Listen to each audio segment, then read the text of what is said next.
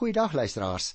Dis my 'n groot voorreg om die Here se woord saam met julle te mag deurwerk en om telkens weer te wys op wie Jesus Christus is. Ons is op die oomblik besig met Johannes, die evangelie volgens die beskrywing van Johannes by die 6ste hoofstuk en ons het nou verlede keer daardie interessante gedeelte gedoen oor die vermeerdering van die brood, oor hoe Jesus op die water geloop het en toe sy indringende gesprek met die Jode dat hy die brood uit die hemel is.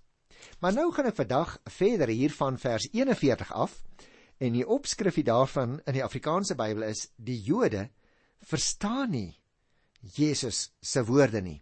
Nou ek dink ons miskien net dit sê voordat ons na die detail van die verse kyk by die Jode weet ons nou al was daar baie groot weerstand en wanbegrip juis oor die appel in Jesus se woorde dat hy besig is om hulle te onderrig en dat hy die Messias is. Maar hulle wou nie aanvaar nie want hulle ken sy agtergrond so goed. Hy is immers sover hulle weet die seun van Josef. Ons gaan dit nou nou ook behandel.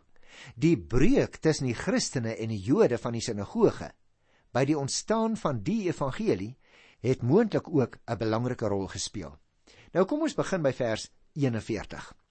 Die Jode het gemor omdat Jesus gesê het: "Ek is die brood wat uit die hemel gekom het. Met Jode luisteraars moet ons ook net weer 'n keertjie in gedagte hou, Johannes verwys met sy uitdrukking die Jode waarskynlik na die Joodse leiers wat juis die Here Jesus so vyhandig gesind was en natuurlik nie na alle Jode nie.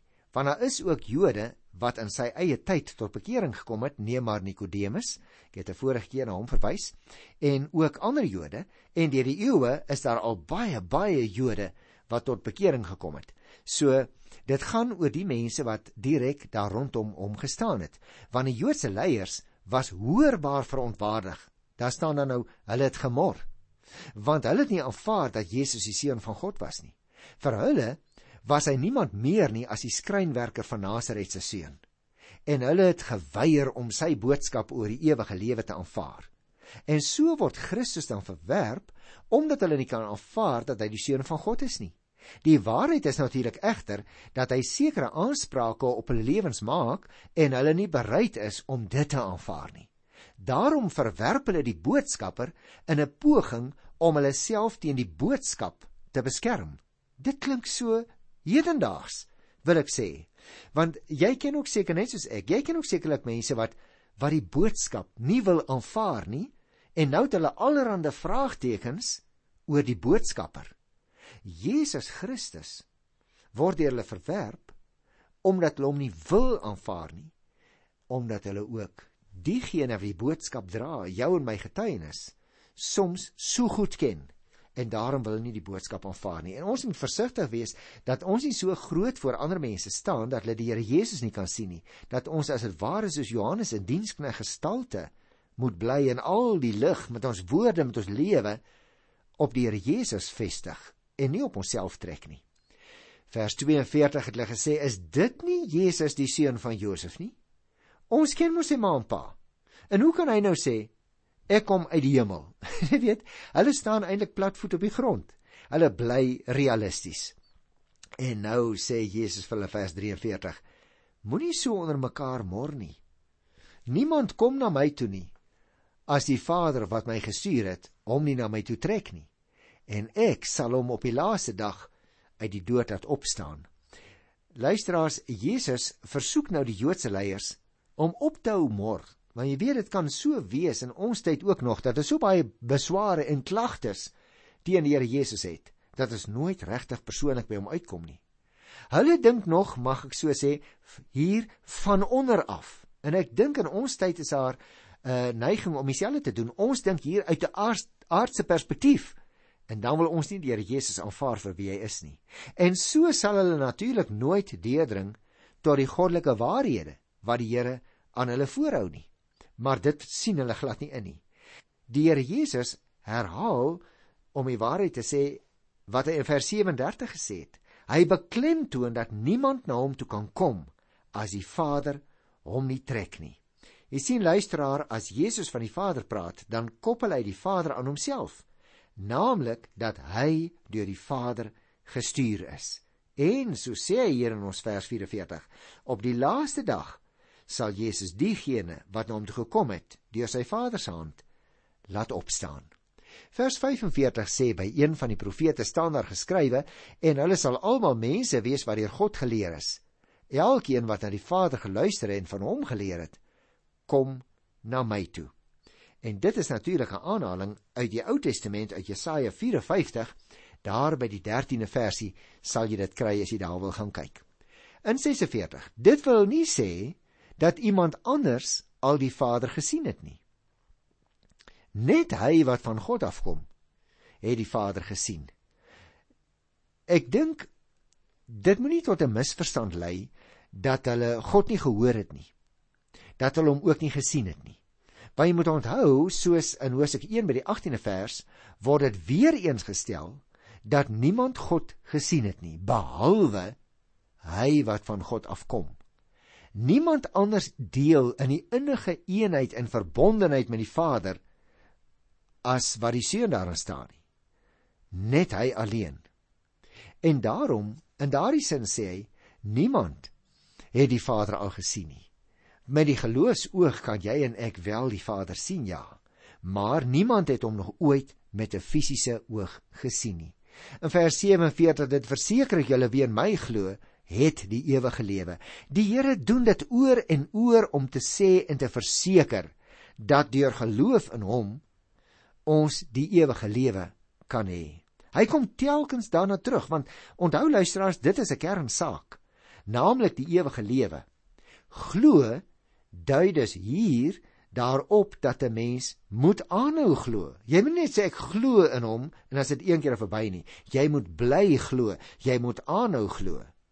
Ons glo nie maar net een keer nie en dan is dit genoeg nie. Nee, nee, ons moet aanhou om aan die Here vas te hou met die arm van die geloof en op hom te vertrou. Nou, ek wil nog net vers 50 lees. Hier staan: Maar hier is die brood wat uit die hemel kom sodat 'n mens daarvan kan eet en nie sterwe nie. En om nou hierdie gedagtes van die Here Jesus kortliks saam te vat, sou ek dit wou sê luisteraars, die Joodse geestelike leiers wou voortdurend hê dat die Here Jesus homself moes bewys dat hy beter is as die profete, moes hy bewys deur wonderwerke te doen. Jesus verwys hier na homself as die brood wat uit die hemel gekom het en in kontras met die manna wat die trekkende volk opgetel het. Die manna was goeie brood wat natuurlik die liggaamlike honger kon stil, maar dit was net tydelik. Die mense het daarvan geëet en is vir 'n dag lank daardeur versadig, maar hulle het nooit geestelike versadiging gekry nie. En nou het die Here Jesus aan hulle verduidelik, ek is die brood wat uit die hemel kom en daar is geen manier om geestelik versadig te word as dit nie is deur in my te glo nie. En dan kry ons hierdie, ek wil amper sê, vreemde opmerking wanneer die Jode op hierdie goed reageer en in vers 52 nou vra en ek kan dit verstaan, die Jode toe onder mekaar begin stry en gesê, "Hoe kan hy sy liggaam vir ons gee om te eet?" Nou wat die Here Jesus sê, klink vir hierdie mense na kannibalisme. Want hulle interpreteer sy woorde letterlik. Hulle wil eenvoudig nie glo en aanvaar wat hy op geestelike gebied vir hulle wil probeer tuisbring nie. 53. Maar Jesus sê vir hulle: "Dit verseker ek julle, as julle nie die liggaam van die seun van die mens eet en sy bloed drink nie, het julle nie die lewe in julle nie." Ons meester, luisteraars, reageer met 'n gesaghebende uitspraak dat sy liggaam nie net geëet moet word nie, maar sy bloed ook gedrink moet word. Nou dit dink ek sou die Jode eers gegrief het, want hulle is natuurlik verbied om bloed te drink. En die die die Hebreëse idioom wat hier gebruik word, liggaam en bloed, dui egter die hele mens aan. Die bedoeling is dan dat die volledige Jesus, alles wat hy is en alles wat hy ook aan die kruis dood gaan doen, deur die geloof toegeëien moet word. Nou op hierdie stadium sou hulle nog nie die kruisdood verstaan nie, maar sy bedoeling is dat ek met liggaam en bloed gekom het vir ons wat natuurlik Nuwe Testamentiese gelowiges is broers en susters en wat terugkyk op daardie gebeurtenisse vir ons sien ons hier in 'n heerlike heenwysing na die nagmaal wat uh, wat vir ons herinner aan die liggaam en die bloed van die Here. Hy sê dan ook in vers 55: My liggaam is die ware voedsel, my bloed is die ware drank. Wie my liggaam eet en my bloed drink, bly in my en ek in hom. Jy sien dus die eet in die liggaam van die bloed uh ek herhaal die eet van die liggaam en die drink van die bloed wat nou meer as een keer herhaal is uh dit wil sê die toeëning van die Here Jesus dui geestelik op daardie innige gemeenskap tussen Christus en die gelowige die bly in my en ek in hom dui vir ons op 'n wederwysige bly by mekaar. En dit is wonderlike woorde. En daarom hierdie 56ste vers verstaan 'n mens as dit die Jode sou skok. Maar en selfs die apostel hoor het ook later die beeld van die liggaam en die bloed gebruik toe hy oor die instelling van die nagmaal gepraat het daar in 1 Korinte 11 van die 23ste vers. Maar dit gaan hier oor 'n geestelike boodskap wat tuisgebring moet word. Ek wil hierdie gedeelte, naamlik die gesprek oor die brood, afsluit met vers 59. Dit het Jesus gesê toe hy die mense in die sinagoge in Kapernaum geleer het. Jy sien as luisteraars, soos ek vroeër al vir jou gesê het, hierdie gesprek oor die brood het begin op 'n sekere punt. Dit het eintlik al reeds begin by die begin van die hoofstuk met die vermeerdering van die brood. En verskillende kere is daarna teruggekom. Dit het nie alles net so een uitspraak na die ander plase vind nie. Dit het geleidelik geneem dalk selfs 'n dag of 3. Maar die uiteindelike is dat dit dan eindig by die gesprek in die sinagoge daar in Kapernaum. Nou ja, luisteraars, ek wil amper sê ons het nou al amper daaraan gewoond geraak dat die Here Jesus se uitsprake vir al die Jode baie erg geskok het. Ehm um, selfs sy onderrig en sy optrede het sommige mense geskok. Hulle het hom wel ook gevolg, maar tot die werklike eise van Jesus se oproepe tot 'n begin deurdring en hulle getoets word, het baie van hulle omgedraai en teruggegaan huis toe. En daarom wil ek dadelik aangaan hier met Johannes 6 by die 60ste vers. Toe hulle dit hoor, met ander woorde die dinge wat hy nou gesê het, uh oor sy eie liggaam en sy eie bloed. Toe hulle dit hoor, het baie van Jesus se disippels gesê, wat hy nou sê, is darm te erg. Wie kan daaraan gehoor gee? Luisteraar, hier wil 'n mens amper skrik, né? Dat uh nou was dit nog net ander mense in die buitekring. Maar hier is dit nou die disippels wat geskrik het. Hulle voel uh, die, die eis om hom te volg is darm te erg. En ek wil hê dat ons hand in eie hart sal steek hoor, want ek kom agter in my eie lewe hoe dikwels voel ek sekere eise wat die Here Jesus aan my stel. Dit is daarom te erg en ek wil dit nie graag doen en uh, vir hom navolg tot in die uiterste konsekwensies nie. Die reaksie wat ons dus hier sien op die voorafgaande gesprek is komende uit die mond van sommige van die groot groep volgelinge of disippels soos hulle hier genoem word van die Here Jesus. Nou eh, hierdie mense het met waardering naby aan hom gestaan. Hulle het geluister, hulle het die vermeerdering van die eh, brood die vorige dag belewe, maar nou, nou dat hulle regtig hoor hy is die brood. Dit is om hom dat dit eintlik gaan kon die eise van sy aanspraak nie deur hulle aanvaar word nie. Dit was darm regtig vir hulle sê vers 60 te erg vers 61 staan daar Jesus het van self geweet dat sy disippels hieroor mor. En hy sê vir hulle skrik dit julle af. Jy sien die Here Jesus het natuurlik deur sy bonatuurlike goddelike insig geweet dat sy volgelinge hieroor mor.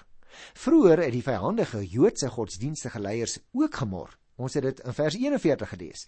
Maar nou Ek dink dit moes vir hom seker 'n hartseer oomblik gewees het, want nou is dit sy eie mense Sy vraag aan hulle toon by implikasie dat Jesus weet wat in hulle harte gebroei het. Vers 62. Wat dan nog as julle die seun van die mens sien opvaar na waar hy voorheen was? So hy steek as waar die naald in en nou begin hy na die punt toe gaan hy vra maar vir hulle regheid. En as Jesus se woorde hulle as gevolg van hulle wanbegrip afskrif, afskrik sê hy, hoeveel te meer as hulle hom sien opvaar na die hemel. Daarin teen is Jesus se hemelvaart vir die gelowiges die triomf van sy oorwinning. Seun van die mens is juis die titel daar in vers 62 waarmee Jesus homself graag beskryf het. Wat dan nog as jy die seun van die mens sien opvaar na waar hy voorheen was? Luisteraars, sommige van hierdie groot groep volgelinge het nou begin klein koppie kry, as ons dit so kan sê. En hulle wat dan gelyk het asof hulle hom gaan volg. Hulle skrik nou, die die eise wat hy stel word net eenvoudig vir hulle te erg. Kom ek lees hier vers 63 uh tot 65 want hier staan ook belangrike dinge. Dit is die gees wat iemand lewend maak. Die mens kan dit nie self doen nie. Wat ek vir julle gesê het, kom van die gees en gee lewe. Maar daar is party van julle wat nie my glo nie. Jesus het immers van die begin af geweet wie dit was wat nie glo nie en wie dit is wie hom sou verraai. Verder het hy gesê: "Daarom het ek vir julle gesê, niemand kan na my toe kom as die Vader dit nie aan hom gegee het nie." Jy sien luisteraar, as ons nou die oorsig hiervan kyk, dan sê die Here Jesus, die Heilige Gees, gee die geestelike lewe. Maar voeg hy by sonder die Heilige Gees sou ons nie eers in staat wees om die geestelike boodskap en fasette van die evangelie raak te sien nie. Jy sien, alle geestelike vernuwing begin by die Gees van God, want hy openbaar die waarheid aan ons en lewe aan ons. Hy lê dit in ons deur sy Gees. Die Here Jesus kontrasteer dus die Heilige Gees wat iemand lewend maak met die natuurlike mens wat self niks kan doen uit homself nie. Slegs iemand wie se begrip en insig deur die Heilige Gees gerig word, kan die Here Jesus werklik verstaan. Luisteraars, 'n natuurlike en 'n menslike uitsig, gebonde aan 'n aardse uitkyk ook nog, kan die dinge van die Gees nie begryp nie. Jesus se belofte dat sy woorde aan die mens lewe gee, word deur die Heilige Gees eers verwerklik vir die wat in hom glo. Maar voeg hy dan by in die 64ste vers en dit gryp my in die hart, daar is party wat nie in hom glo nie. Jy sien die inleidende maar dui al reeds op die kontras met dit wat eintlik verwag kan word, naamlik dat sommige sou glo en ander nie sou glo nie. En daarom herhaal hy in vers die opmerking oor die voorbeskikking van God. Die Vader gee genade aan mense om na hom toe te kom. Al sou sommige dus nie glo nie, gaan God se werk nog steeds voort omdat dit hy is wat dit bewerk dat mense in hom glo. Nou luisteraar, ek ken nie jou omstandighede nie. En ek weet nie hoe lank is jy al 'n Christen en hoe lank groei jy op al, al op die pad van geestelike uh voortgang nie. Maar ek wil net nie hê jy moet nou hier begin twyfel nie dat jy dalk begin dink O Ade, ek glo in die Here Jesus Christus as my persoonlike saligmaker, maar sê nou ek is nie deur die Vader getrek na die Here nie. Nee, ek wil jou gerusstel, dit kan nie gebeur nie. As jy sê jy glo in Jesus Christus, dan is daardie getuienis wat jy dra alreeds die bewys. God die Vader het jou na die Here Jesus toe getrek. Die Heilige Gees het die getuienis in jou hart wakker gemaak. Anders kon jy nie in Christus glo nie. Maar nou hierdie mense van hulle word dan gesê in die 66ste vers hieroor het baie van sy disippels opgedraai omgedraai huis toe gegaan en nie meer saam met hom gegaan nie. 'n Mens kan dit verstaan. En as reaksie op hierdie woorde luisteraars, lees ons nou dat baie van die weiergroep volgelinge van die Here Jesus teruggegaan het huis toe. Nie net fisiek weg van die sinagoge af nie, maar ook geestelik weg van die Here Jesus af. Hulle ter wille van nasionale bevryding 'n nasionalistiese Messias kom soek, maar 'n gestuurde Christus gevind wat lewe gee, wie se liggaam geëet, wie se bloed gedrink moet word, hoe deur in hom te glo en dit wou hulle nie doen nie. Hulle wou hulle eie volk weer herstel sien. Hulle wou eie bepaalde voordele hê. Sommige van hulle het heel waarskynlik gehoop op die lekker goeie poste in die regering wat tot stand gekom gaan kom as die Messias kom En hier kom hulle, hulle luister en nou kry hulle heeltemal ander klanke van die kant van die Here Jesus en dit wil hulle natuurlik glad nie eintlik hoor nie en daarom lees ons hulle gaan nou terug. Maar nou interessant. Toe vra Jesus vir die 12 vers 67. Wil julle nie ook weggaan nie? En dis 'n belangrike vraag luisteraars. Van die skare het teleurgestel teruggedraai. En nou is dit die beslissende oomblik vir die 12 disippels. Die manier waarop die Here Jesus vra, "Wil julle nie ook weggaan nie?" skep die verwagting van 'n negatiewe antwoord. Om die Here Jesus deur gedagte en deur woord en deur daad dinamies na te volg, is nie maklik nie, hoor. En daarom moet jy en ek onsself ook telkens weer hierdie vraag afvra, sodat dit ons verhouding met hom kan lewendig hou, dat ons aktief kan weet en kan lewe elke dag, ek het gekies, ek wil hom volg. En nou kry jy hierdie wonderlike antwoord van ou Simon Petrus nê in vers 68. Ag nou ja, dit is so, hy is die ou met die groot mond. Hy storm soms in, hy gee soms gou antwoorde. Luister wat sê hy hier. Here, Na wie toe sal ons gaan? U het die woorde wat ewige lewe gee. Met ander woorde, hier storm hy nie in nie. Hier is hy nederig as dit ware aan die voete van die Here. Hier kom vra hy, Here, ons het nie iemand anders nie. En jy sien luisteraar, miskien is jy een van daai ouens wat ook vinnig instorm. Maar dalk het jy ook die behoefte om vandag weer 'n keer te sê, Here, na wie toe anders sal ek gaan? U het my ook die woorde van die ewige lewe gegee. En hier in die gedeelte tree Petrus dus op as mondstuk. Hy praat namens die 12. O, luisteraar, ek wil sê hy praat ook namens my. Wil jy nie ook maar antwoord en sê, "O, hy praat ook namens my." Na wie toe anders sal ons gaan? U het die woorde wat lewe gee. Maar jy sien hierdie uh antwoord wat Petrus hier gee, toon vir ons baie insig. Hy bely dat hulle 'n leier en 'n tuiste, 'n geestelike tuiste vir tyd en ewigheid gevind het by die Here Jesus. Natuurlik, daar is niemand anders na wie toe hulle sou kon gaan nie, want niemand anders gee die rus en die vrede soos die Here Jesus nie. Hy is dan die seun van God. Hy is dan God self. En luister in vers 69. En ons glo vas en ons weet dat u die heilige van God is. Nou op daardie stadium het die disippels nog baie geestelike groei wat hulle moes deurloop het. Maar jy en ek wat sommige van ons selfs van kleins af groot geword het met die met die Bybel in ons harte. Ons wil dit graag nasê vandag hier in die einde van ons program en ons glo vas en ons weet dat u die heilige van God is.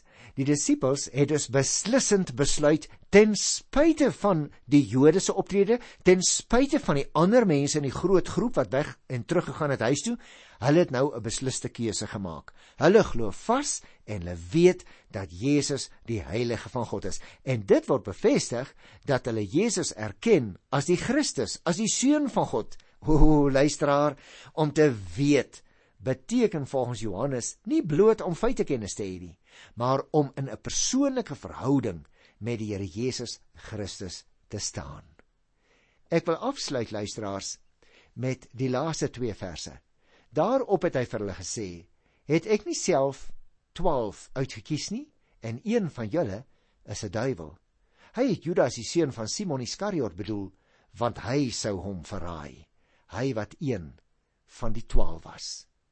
Luisteraars, dis die tragedie van alle tye. Kom ons buig en ootmoed voor God dat die Vader ons getrek het sodat ons kan glo, kan weet Jesus Christus is die heilige van God. Ek groet jou tot volgende keer in sy wonderlike naam. Totsiens.